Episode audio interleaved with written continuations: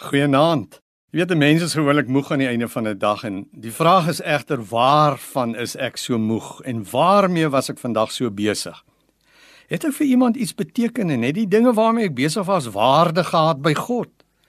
Die Bybel verduidelik dat ons almal aan die einde van ons lewe rekenskap sal moet gee oor hoe ons ons tyd en ons lewe deurgebring het. God het ons vir 'n bepaalde doel vir hom geskape en eendag gaan ons lewe beoordeel word of ons hierdie doel bereik het. Die Bybel gebruik die beeld van 'n huis wat elkeen van ons besig is om te bou. En die belangrikste van die huis is of die fondament Christus is. As Christus ons lewe se fondament is, moet ons versigtig wees hoe ons daarop bou. In 1 Korinte 3 vers 12 tot 15 staan daar: Of dit goud, silwer, edelstene, hout, gras of strooi is waarmee iemand op die fondament bou, elkeen se werk sal aan die lig kom. Die dag wanneer Christus kom, sal dit duidelik word. Die dag kom met vuur en die vuur sal die gehalte van elkeen se werk toets. As iemand se bouwerk bly staan, sal hy beloon word. As iemand se werk verbrand, sal hy nie beloon word nie, maar tog sal hy self gered word, maar soos iemand wat uit die vuur geruk is.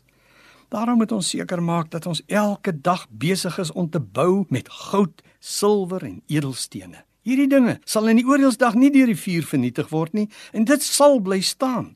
Daar wag met ander woorde beloning in die hemel vir goeie dinge wat ons vir die Here hier op aarde gedoen het. Alles wat die Heilige Gees deur ons doen, sal ewigheidswaarde hê. Dit is ook moontlik dat 'n mens jou kan besighou met tydelike en verganklike dinge deur byvoorbeeld te bou met hout, gras en strooi. En ons kan baie besig wees met dinge wat vir die Here eintlik geen waarde het nie. Ons kan selfsugtig lewe en net aan ons eie belange dink. Ek weet nie of jy die storie ken van Piet wat op 'n boer se plaas as voorman gewerk het nie en hy het elke dag vir sy kinders huisgodsdiens gehou en ook op Sondag vir die ander plaasarbeiders kerk gehou. Hy was altyd behulpsaam en het ander se belange op die hart gedra en vir almal gehelp waar hy kon. Hy en die boer het toe albei gesterwe en die boer in die hemel Toe hy daar kom, was hy verbaas om Piet se mooi groot huis te sien. Hy was ook baie ontstel toe hy die klein gebouetjie sien wat sy eie woning sou wees. En toe die boer die engel vra oor hoekom Piet so 'n groot goue woonplek het, het die engel verduidelik dat Piet elke dag goue boumateriaal opgestuur het hemel toe.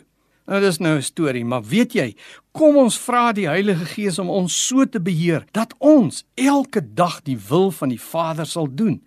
Kom ons vra die Heilige Gees om ons te lei sodat ons net met goud sal bou. Here Jesus, help my om nie met hout, maar eerder met goud te bou. Amen. Goeienaand.